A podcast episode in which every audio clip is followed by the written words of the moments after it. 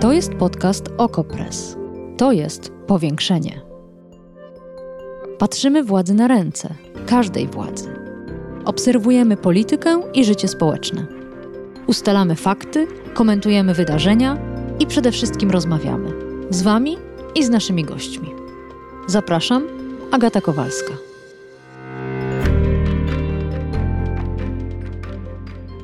Projektowane zmiany w prawie oświatowym to zamach na autonomię szkoły. Ograniczą one ofertę edukacyjną, osłabią wpływ rodziców na program wychowawczy, w całości podporządkują szkoły władzy centralnej. To podważenie obowiązujących od lat 90. demokratycznych zasad funkcjonowania szkół. Tak napisały w swoim stanowisku proteście liczne organizacje społeczne. Chodzi oczywiście o Lex Czarnek. Tego projektu jeszcze nie ma, ale znamy założenia. I oczywiście za chwilę porozmawiamy o tych założeniach, ale mnie zastanowiła jeszcze jedna sprawa. Te rzekomo zagrożone cechy polskiej szkoły. Autonomiczność? Demokracja? Wpływ rodziców na program wychowawczy? Czy naprawdę taka jest polska szkoła? O tym w dzisiejszym odcinku powiększenia.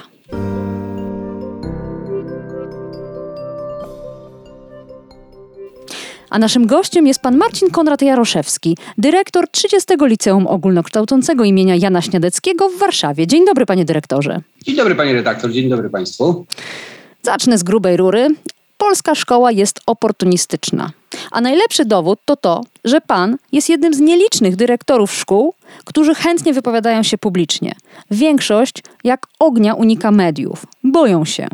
Jak pan myśli, czego oni teraz, przed wprowadzeniem Lex Czarnek, tak się boją? Powiem szczerze, że czasami trudno mi to e, zrozumieć. Ja staram się w szkole zawsze uczyć moich uczniów, że, e, że mają prawo się wypowiadać, że mają prawo e, mówić, co myślą, że mają prawo mówić, co czują, że jeżeli mają uwagi, zastrzeżenia do mojej pracy, do naszej pracy, to chciałbym, żeby o tym, żeby o tym mówili, żebyśmy o tym rozmawiali. I, i znaczy, nie wyobrażam sobie sytuacji takiej, że ja by dziś e, nie wypowiadam się o tym, co się dzieje e, w oświacie, o tym, jakie są e, projektowane zmiany, jak to, jak to wygląda, że, że boję się mówić, a, a, a przychodzę do szkoły i, i uczę dzieci zupełnie czegoś innego. Znaczy, trudno mi byłoby spojrzeć w oczy moim uczniom. I, ale rzeczywiście też dochodzą do mnie takie sygnały, że, mm, że rzadko, e, rzadko dyrektorzy e, wypowiadają się na ten temat. Aczkolwiek proszę pamiętać, że e, nasze organizacje, tak, kadry kierowniczej oświaty wystosowały stanowiska w sprawie tego projektu. Ależ oczywiście, że tak. Zaraz o nim zresztą Absolutnie, porozmawiamy. Krytycznie. Ale ja się nie dziwię, że wystosowały, bo te zmiany dotyczą w głównej mierze dyrektorów szkół. Natomiast mnie chodzi o te sytuacje, w których w szkołach masowo dochodzi do przemocy, choćby na tle homofobicznym. Rośnie liczba samobójstw wśród uczniów, a dyrektorzy szkół, proszeni o wypowiedzi w tej sprawie, chowają głowy w piasek. Jeszcze raz zapytam, jak pan myśli, czego oni teraz, zanim wprowadzono Lex Czarnek, mogą się bać? To nam pomoże zrozumieć, jakie zmiany planuje Ministerstwo Edukacji. Mhm. Znaczy, rzeczywiście to jest tak, że mm, w tej chwili szkoła, e, szkoła jest autonomiczna w tym zakresie, czy dyrektor szkoły jest autonomiczny e, w tym zakresie, że podlega tylko przepisom prawa. E, oczywiście w przypadku szkół samorządowych, no to dyrektor jako, jako kierownik zakładu pracy, jako mm, kierownik jednostki organizacyjnej, jednostki samorządu terytorialnego podlega również w zakresie administracyjnym, w zakresie finansowym. No tej, tej Samorządowi, jednostki, tak samorządowi. Tak? Natomiast jeżeli chodzi o zadania e, dydaktyczne, zadania e, oświatowe, e, dyrektor oczywiście ma obowiązek realizować politykę oświatową określoną w przepisach prawa oświatowego. I to jest oczywiście kontrolowane. Tak? I, i, I, temu służą kuratoria oświaty, czyli organy sprawujące nadzór pedagogiczny, aby kontrolować, czy szkoły działają zgodnie E, z prawem. I, nie ma w tym nic e, złego oczywiście, tak? Znaczy przy, przy takiej liczbie szkół e, w Polsce, takiej liczbie dyrektorów, to konieczny jest nadzór pedagogiczny nad działalnością szkół. Natomiast tak jak mówię, dyrektor, dyrektor podlega przepisom prawa, ma obowiązek y, przestrzegać przepisów prawa. No, bo, ale no tak, ale udzielanie wywiadów mediom nie jest zakazane jeszcze. Wypowiedzi nie, publiczne nie są zakazane. Szerokie wpisy na Facebooku czy innego rodzaju publikacje w mediach nie są zakazane, a pana grupa zawodowa nie jest chętna do zabierania głosu. Znaczy, na pewno proszę pamiętać, że jakakolwiek kontrola, czy to, czy to z organu sprawującego nadzór pedagogiczny, czy z innego organu uprawnionego do kontroli, nie jest pewnie najprzyjemniejszą sytuacją dla, e, dla żadnego e, dyrektora. To... A miał pan kiedyś kontrolę w szkole po tym, jak pan udzielił kolejnego wywiadu? No nie, bo, bo no właśnie. udzielenie wywiadu na pewno nie jest podstawą do, e, do kontroli. E, natomiast e, no, podstawą do kontroli są wszelkiego rodzaju skargi na funkcjonowanie szkoły, no właśnie nieprzestrzeganie, mhm. Nieprzestrzeganie prawa. Natomiast to, że, że tu dyrektorzy też niechętnie czy nieczęsto się wypowiadają, może być również tak powodowane, e, spowodowane tym, że, że, że e, no, chcą uniknąć sytuacji niekomfortowych i no, tro, trochę to, to, rozumiem te sytuacje, rzeczywiście nie zawsze są komfortowe. Natomiast jeżeli... A czy jeżeli, wywiad jest niekomfortowy? Nie, mówię już, może stać po wywiadzie, natomiast y, chcę powiedzieć, że, y, no bo chciałem powiedzieć, że szkoły czy dyrektorzy szkół, gdzie, gdzie wszystko fu funkcjonuje legartis i wszystko funkcjonuje tak jak tak jak należy. No, nie powinni się oczywiście obawiać żadnych, żadnych kontroli, ale by, by, by proszę pamiętać, że tak jak mówię, przy tak, przy tak wielu sferach działalności i funkcjonowania szkoły, e, no niedociągnięcia się zdarzają. No, ale właśnie to jest to pytanie, bo mają się zmienić przepisy, zwłaszcza nowe, ogromne moim zdaniem uprawnienia mają uzyskać kuratoria.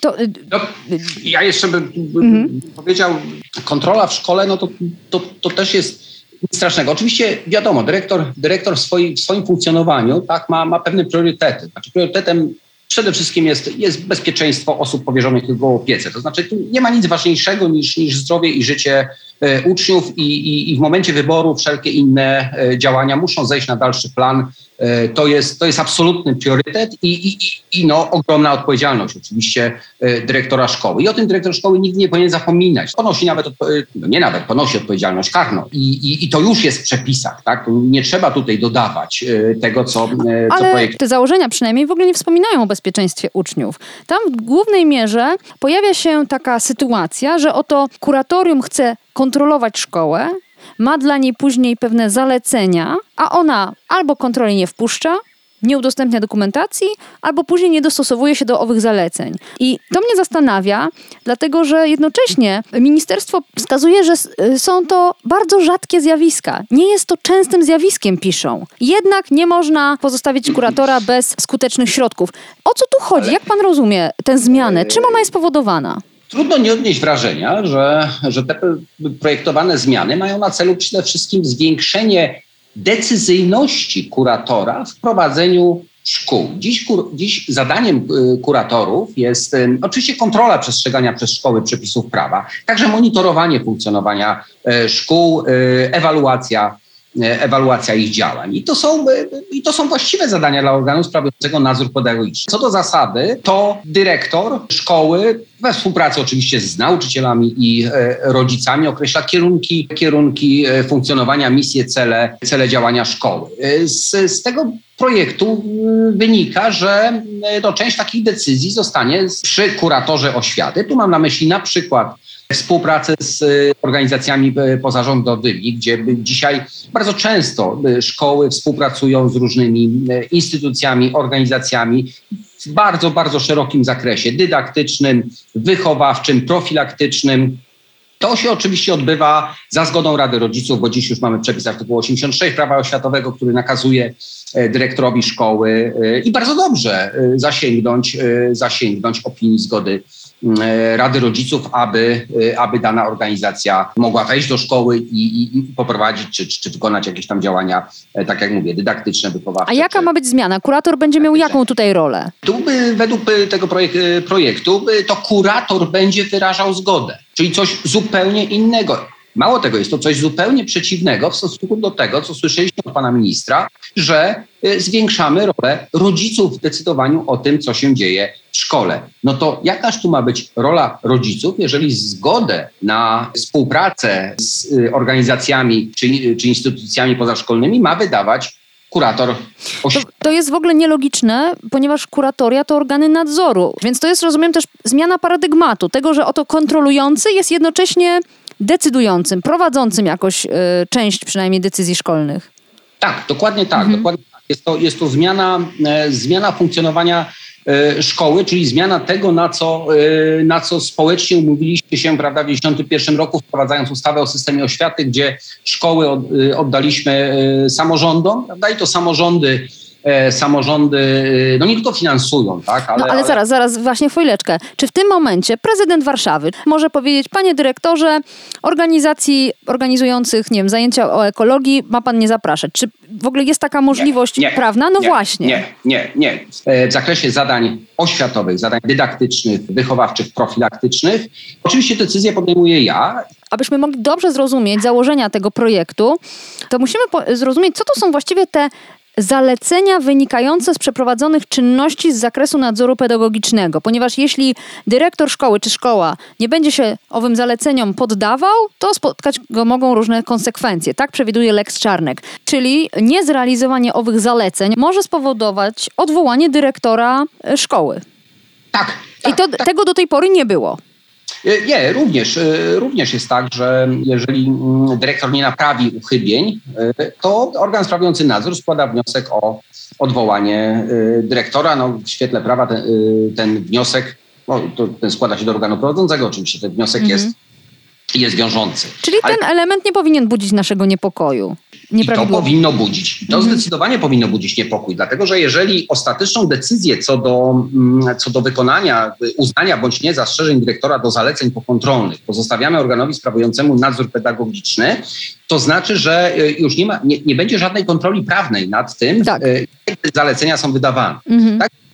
Z drugiej strony, no patrząc ze strony, z punktu widzenia organu sprawującego nadzór pedagogiczny, sytuacja, w której dyrektor no, nie, nie wpuszcza e, wizytatorów na, na kontrolę bądź nie wykonuje zaleceń, też nie powinna mieć miejsca. Tak? Znaczy, w normalnym systemie funkcjonowania, gdzie nie ma próby scentralizowania e, szkół, nie ma próby narzucenia szkołom jednej, jedynej myśli, no tak jak to, e, tak jak to w tej chwili wygląda, no to wtedy takie organy w normalnym funkcjonowaniu oświaty, organy sprawujące nadzór pedagogiczny po prostu przestrzegają, e, czy sprawdzają, czy szkoły przestrzegają przepisów prawa. Jeżeli tego nie robią, no to, no to wydają dyrektorom zalecenia. Ja, ja tak rozumiem nadzór mhm E, wspierające. Jasne. I fajnie jest usłyszeć, że e, no, tutaj muszę coś poprawić, tu muszę coś zrobić. Świetnie, tak? Poprawiam, robię i już jest dobrze.